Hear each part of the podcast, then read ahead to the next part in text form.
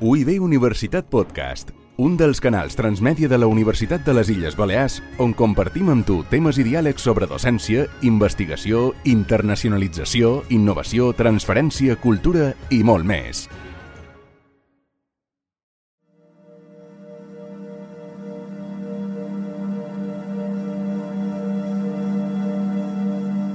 Ho podem dir de moltes maneres, no? Per exemple, en quin món vivim? En sa mirada a terra i dient que no, amb ironia, en quin món vivim, una mica de tornada de tot, en quin món vivim.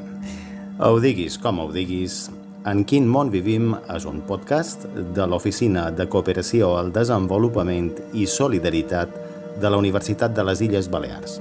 I en Xema González, a la part tècnica, i qui vos parla, en David Oliver, a la producció, guions i edició, el perpetrarem. Vos proposam parlar de temes que suggereixen que som en un canvi d'era. Dit d'una altra manera, això pot continuar així, amigues i amics. Crisi humanitària, crisi de recursos, canvi climàtic, crisi econòmica, inflació, desigualtat creixent... Quin panorama, no? I sobretot, intuint que tot està relacionat, que una cosa té a veure amb l'altra. Així començam uns capítols en què parlarem d'això, de capitalisme, però no ho farem telefonant a Wall Street. La nostra primera connexió és amb un poble de pescadors de Senegal. És un poble que se diu Misira, som en el centre sud del país, a prop de la frontera nord de Gàmbia, i allà hi fa feina Mamadou Lamin Conte, tothom el coneix com a Conte, i fa feina a clínica que hi ha construït l'ONG mallorquina Dentistes sobre Ruedes.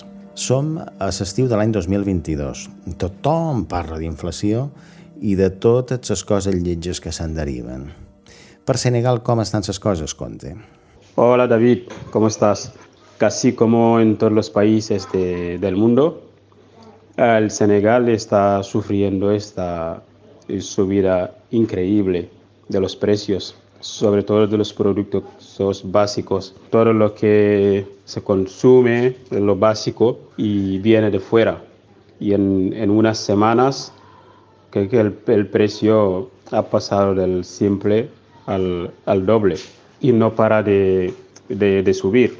Y la gente lo está viviendo fatal porque es un país pobre. Eh, la mayoría de la gente no trabaja, no tienen sueldo que les pueda ayudar a vivir, a llegar al final del mes y los políticos no hacen nada. Lo que más les interesa es hacer las infraestructuras y todo lo que la gente puede ver para decir que hemos construido los aeropuertos, uh, universidades, las carreteras y gastan muchísimo dinero y la población lo está, lo está sufriendo. Vale, aquest missatge ens arriba des d'un punt del Sahel occidental i és el testimoni d'una persona en particular, en Conte, però mos parla d'un problema que afecta de forma punyent a tot el Sahel, aquesta llarga faixa que s'estén per la banda sud del Sàhara i que arriba fins al Corn d'Àfrica. Les previsions són molt dolentes en aquesta part del planeta i en d'altres. Se preveu una crisi humanitària profunda. La causa, dit de forma resumida, la invasió de Rússia a Ucraïna ha tingut impacte en la comercialització de recursos entre els quals hi ha cereals, quasi res. I tot això, però, anant més enllà del present, no fa altra cosa que greujar problemes acumulats, com la carestia provocada per anys de sequera a Etiòpia o, tornant a Senegal, temes que tenen a veure molt amb el mercat. L'esclafit del sector pesquer preocupa dels tractes de pesca en flotes internacionals que fa dècades que arrasen amb aquest recurs. Si mires en conjunt, els efectes de la invasió d'Ucraïna són simplement un ganivet que s'aclava sobre una ferida antiga. Tot plegat s'emmarca en un mapa comercial en què quan pateixen els països rics, imagineu-vos com pateixen els països pobres. Més que pobres, empobrits. I coses del capitalisme. Quan una cosa falta, i de torna més cara. Anirem desplegant el tema, però continuem parlant de capitalisme en connexió amb Senegal. Pot ser millor dir, parlem d'una forma poc capitalista de veure les relacions humanes que mos arriba a través d'en Conte des de Senegal. El Senegal es un país eh, muy hospitalario que se llama País de la Teranga. La Teranga es hospitalidad y la gente es muy acogedora, vive en armonía y no hay, no hay propiedad privada. Una persona puede venir de fuera y llegar aquí y entrar a una casa sin que esté invitada y compartimos todo, la comida, eh, las casas hasta la habitación. Si, si viene alguien de fuera, nosotros salimos de nuestra habitación para dejar al extranjero. Y comes, ya la gente está muy contenta. La familia acogedora está muy contenta. Y si no, si no comes, la gente està enfadada. I així comença aquest En quin món? I hem decidit començar amb aquest seguit de capítols unificats sota un títol Capitalisme, col·lapse o mutació. Dit d'una altra manera, el sistema farà figa, desapareixerà o canviarà algunes coses per continuar funcionant més o menys amb els mateixos valors. Vàrem fer una cosa per comentar tot això. Dia 5 de juliol de l'any 2022 vàrem reunir un grup de persones de Vall de Sombra, des, dels arbres del pati de l'edifici de Sarriera de Palma. I allà ho vàrem enregistrar tot. I ja sabeu que quan te poses a parlar de coses així, passa el que passa, que volen ses hores.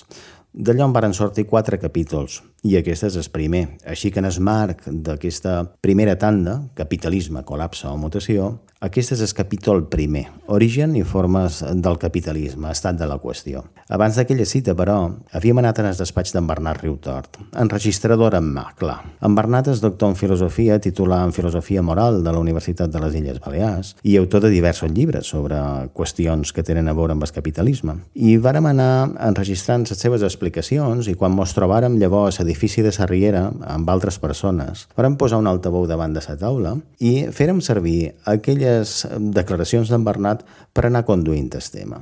Una primera consideració seria que el capitalisme comença, eh, podríem dir, en el segle XVII, a dues zones, la zona d'Anglaterra, eh, la zona entorn a Londres, ha alguna zona d'Escòcia, de, entorn a alguna ciutat, i en els Països Baixos. I avui en un sistema global. És a dir, en molt poc temps ha tingut un recorregut històric molt gros, amb entrebanys molt grossos. Per exemple, el cas de, de la Segona Guerra Mundial, que haguera pogut acabar amb el capitalisme tal com l'entenem, o també que haguera pogut tenir èxits, eh, diguéssim, després del sistema eh, soviètic. Cap d'aquestes dues coses van funcionar i avui és un sistema global, a pesar de que hi ha moltes diferències. Tenim el que avui està reagrupat entorn, entre cometes, Occident i l'OTAN, i un altre tipus de capitalisme que s'està reagrupant entorn a la zona d'Àsia, Euràsia i això, i el sud-est asiàtic, que han entrat en un període de turbulències entre si. És a dir, avui en dia, aquesta guerra darrere, aquesta guerra que hi ha, en el fons hi ha un tema de confrontació intercapitalista, de dos que s'estan formant dos grans blocs des del final de la implosió de la Unió Soviètica en el moment havia quedat un únic, podríem dir, potència mundial, però això ja no és així. És a dir, que el capitalisme té problemes de tipus, en aquest moments, geoestratègic i geoeconòmic molt grossos, també té problemes en relació a la natura, com el canvi climàtic o les noves malalties que han tingut, que ja són perquè és global, i la mobilitat, i aquestes coses duen, és a dir, que avui en dia té molt de problemes i també té un problema econòmic. Escoltant en Bernat, Nirene Salamanca, presidenta d'ATAC Mallorca. ATAC és l'associació per la taxació de les transaccions i per l'ajut a la ciutadania. És un moviment internacional que promou el control democràtic dels mercats financers i de les institucions que gestionen aquests mercats. Irene, tu per què creus que el capitalisme s'ha estès com una taca d'oli? Factor clau que ell ha anomenat, que és la caiguda de la Unió Soviètica, que va de, ha deixat, va deixar en el seu moment via lliure en el capitalisme a, a nivell de planetari, ja que pràcticament, no?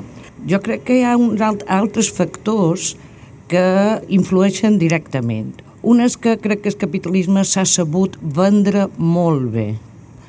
Eh, la propaganda, el màrqueting. Ha venut eh, valors que tots eh, assumiríem eh, llibertat, democràcia i consum. I tot això hauria ser felicitat, no?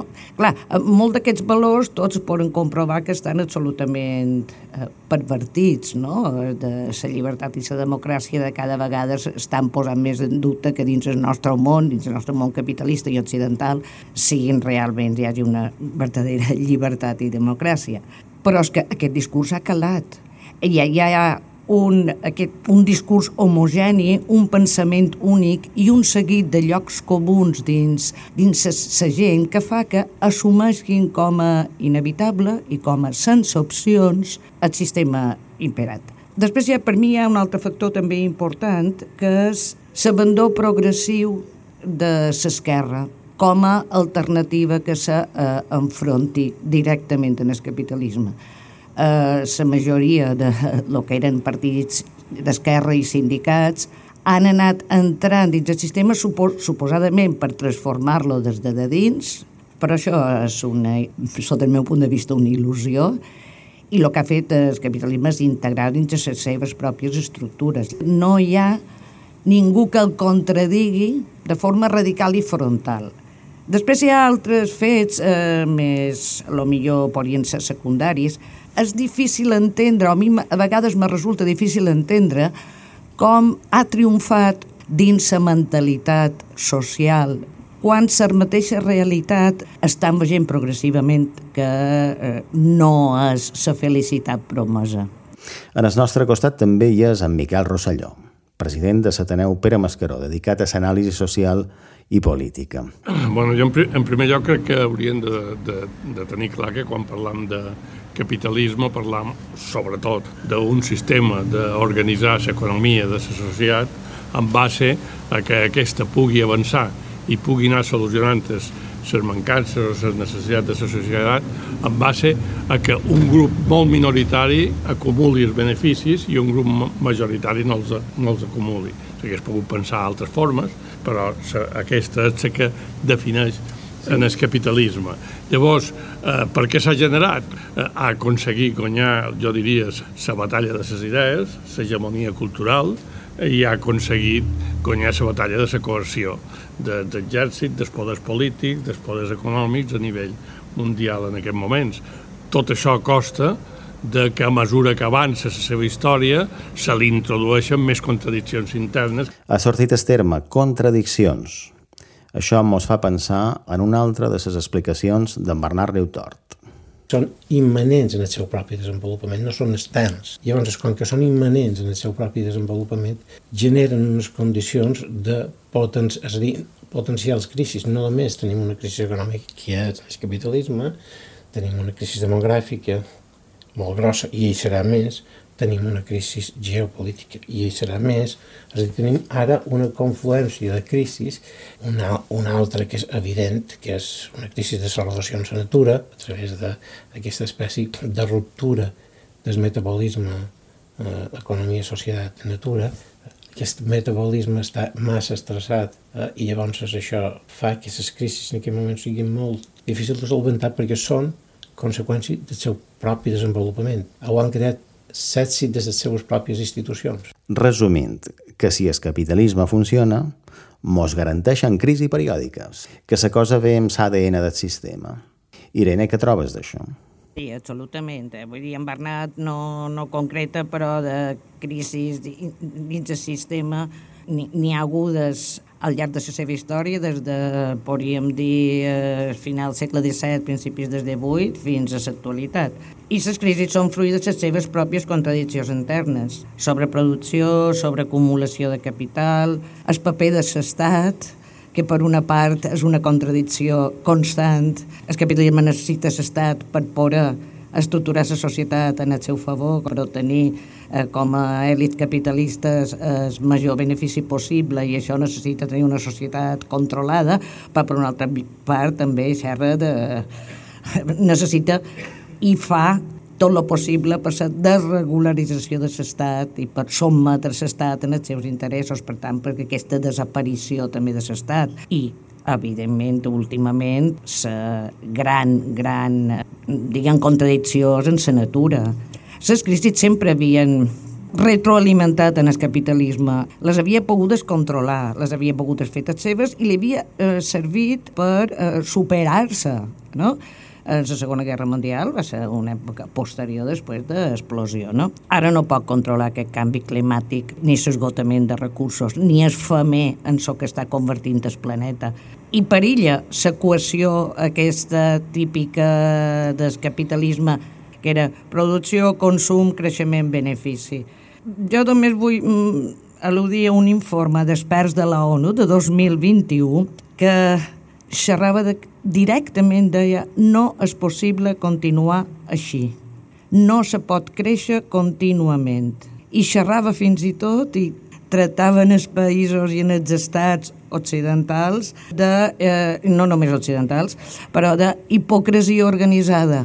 Quan acorden, xerren, fan manifestacions i declaracions, però després dins, cada, dins els òrgans internacionals, però després dins cada estat no duen a terme les pràctiques necessàries. Miquel, agafant el que diu Nirene, tu com continuaries?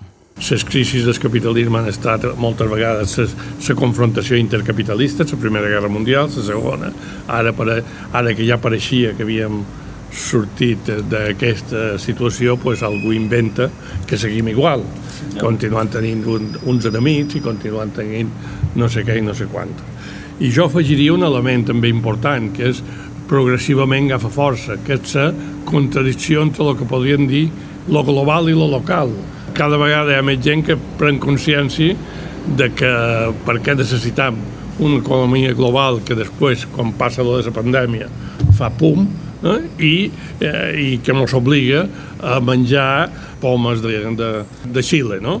Per tant, eh, aquesta és una altra contradicció que difícilment, eh, vamos, que també és hora de solventar-la, han de veure com, com ho invent. Estan parlant d'això amb veus acreditades i solvents. I jo, en totes les meves limitacions, no puc deixar de pensar en records que se m'ajunten en el cap. En vos cont. El primer de filosofia mos explicaren el pensament de John Locke la signatura d'idees polítiques.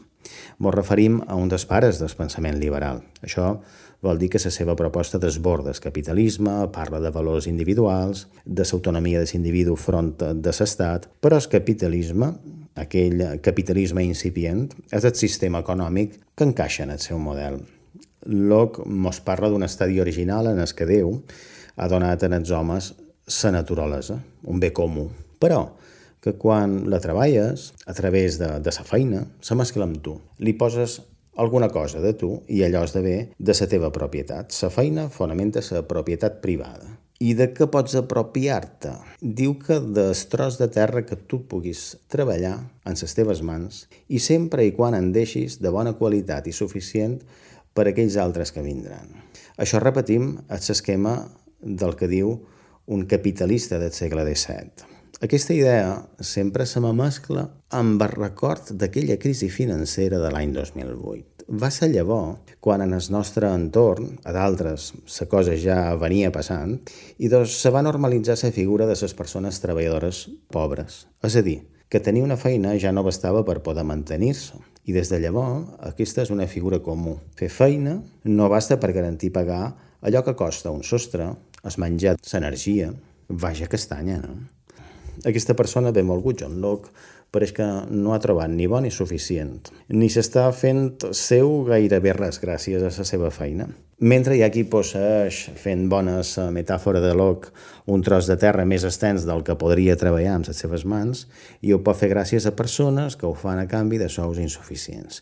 I tot això veient com va el planeta en una dinàmica que no permet deixar recursos ni suficients ni en bon estat per a aquells que venen darrere. Audiència, John Locke, sense parlar ni tan sols de sistemes alternatius en el capitalisme, però què li ha passat en el capitalisme mateix? Quina deriva ha seguit? El firmarien els seus fundadors? Bé, ja està. Fins aquí la reflexió personal.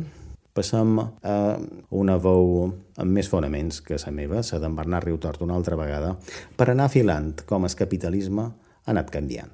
El capitalisme ha existit canviant, és a dir, podríem tenir quatre grans períodes. El primer període, sobretot, del final del segle XVIII i bona part des de nou fins a la meitat de la revolució industrial i del capitalisme liberal. Després vendrà una, fa, una crisi d'aquest capitalisme i una fase del capitalisme ja oligopolista i imperialista. Les potències, sobretot europees, ocupen tot el món. Després hi ha una crisi d'aquest tipus de capitalisme, conseqüència del qual hi ha dues guerres mundials d'aquesta crisi del capitalisme. La primera, competència intercapitalista entre velles potències i noves potències i la Segona Guerra Mundial. Quan s'acaba aquesta, aquesta a través, en el final de la Segona Guerra Mundial, entra en joc un altre tipus de capitalisme, que és el capitalisme regulat, de tipus keynesià, estat social de benestar i pacte social entra en crisi dels anys 70, en els 80 comença ja a desenvolupar-se una alternativa, que seria el capitalisme que avui tenim, que és el capitalisme global neoliberal financiaritzat. Cada tipus de capitalisme és diferent, encara que són formes de capitalisme, totes elles. Això li ha permès a diferència d'altres sistemes, n'està renovant, però també li ha duit a una situació conceptual a partir del 2008 ha entrat en crisi, però no hi ha una alternativa. Miquel, hi ha una alternativa? No n'hi ha? Quan se diu que no hi ha alternativa del capitalisme, si el que se vol dir és que d'avui per demà eh, canviaríem aquest sistema i ja tenim un esquema fet de com serà el sistema nou, evidentment això, això no és així. Però això no ha estat així mai a la història. Quan s'ha passat del feudalisme al capitalisme han estat segles quan t'ha passat. Per tant, no, no és així a la història. Jo el que crec és que actualment i des de ja fa temps, dins del mateix capitalisme, conviven altres formes d'entendre l'economia, d'entendre el funcionament polític, d'entendre el funcionament social, que no és estrictament el que vol el sistema i que viven en minoria per ara, però que tenen una, una presència real. Posaria un exemple senzill. La recollida de residus a Sicília és un de dels negocis més eh, lucrosos de la màfia siciliana i del capital més desenfrenat.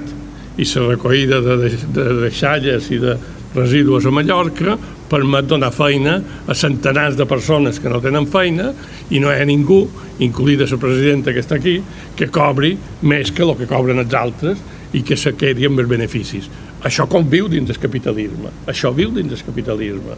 Eh?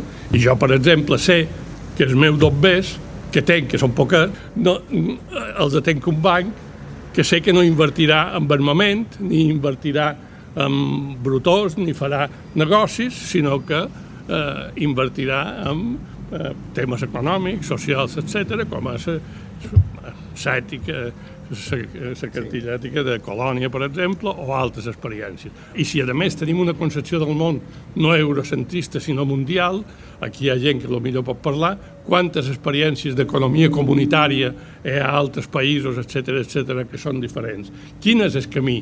Aconseguir que en un dia, o en 24 dies, o en dos anys, tombem el sistema a nivell mundial i en posem un de nou, o ens moguem amb aquesta dinàmica, reforçant això, intentant que la gent tingui consciència que la seva capacitat de, de, de decidir és molt més important del que pensa, a on poses dos bés, a on compra, a on mou, a qui vota, etc etc. Un aclariment, quan en Miquel se refereix a Deixalles, fa menció a la Fundació Deixalles, que genera inserció laboral a partir del tractament de residus, i quan parla de la seva directora assenyalen a Xesca Martí, present a la trobada en el pati de l'edifici de Riera i que escoltareu en capítols posteriors. Irene, anant en el títol d'aquesta sèrie sobre el capitalisme, el capitalisme col·lapsarà o mutarà? No crec que sigui una dicotomia. Vull dir, les èlits capitalistes veuen, se veuen arrossegats a el que per ells pot ser un col·lapse en virtut dels seus pressuposis de beneficis extractivistes, productivistes que ja ho han deixat de ser, i reaccionen, i reaccionaran. I això no és nou. Eh, ja a finals del segle XX es, va, va començar el procés aquest de neoliberalisme que deia en Bernat, de passar d'un capitalisme productiu a un capitalisme financiaritzat en el neoliberalisme, en Thatcher, en Reagan, vull dir, van inaugurar tot això. Les èlits capitalistes no deixaran que el capitalisme mori. En tot cas, muntaran i estan acostumats a fer-ho. Per què? Pues perquè les èlits no deixaran de, si hi ha manca de recursos, intentar acaparar aquests recursos a costa de lo que sigui, de qui sigui i de com sigui.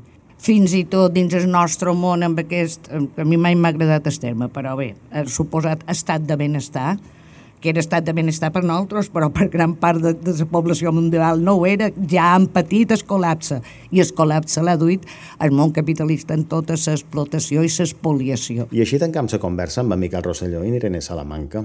L'enregistrament sota aquella ombra d'aquells arbres continuava i érem a punt de fer altres entrevistes i escoltar més testimonis. Mireu, aquest capítol l'han començat amb una pinzellada des de Senegal i el tancarem mirant cap allà mateix, precisament arran de les paraules de Noseinu Ndongo, pescador senegalès, que acaba fent feina a Mallorca perquè en el seu país d'origen les flotes internacionals estan acabant amb el recurs. 90% de nosotros todo vive en la pesca. A veces, si el albanil, si no va bien, tú te vas al mar a pescar y ganas tu dinero para vivir. Pero ahora mismo nada. Hay mucha gente que venden sus barquitos y tal para venir aquí porque no hay pesca ni nada. Los españoles y los senegaleses y los franceses, ellos a veces cuidan el mar, como aquí. Pero los chinos, ellos, boom, destrozan todo, matan todo. Wow, no sé, no ha obert un meló que dona molt de sí, no? Mos el reservam pes capítol 2, capitalisme com model hegemònic, es pot viure fora? Seguiu-nos, seguiu en quin món vivim. Queda molt per estirar.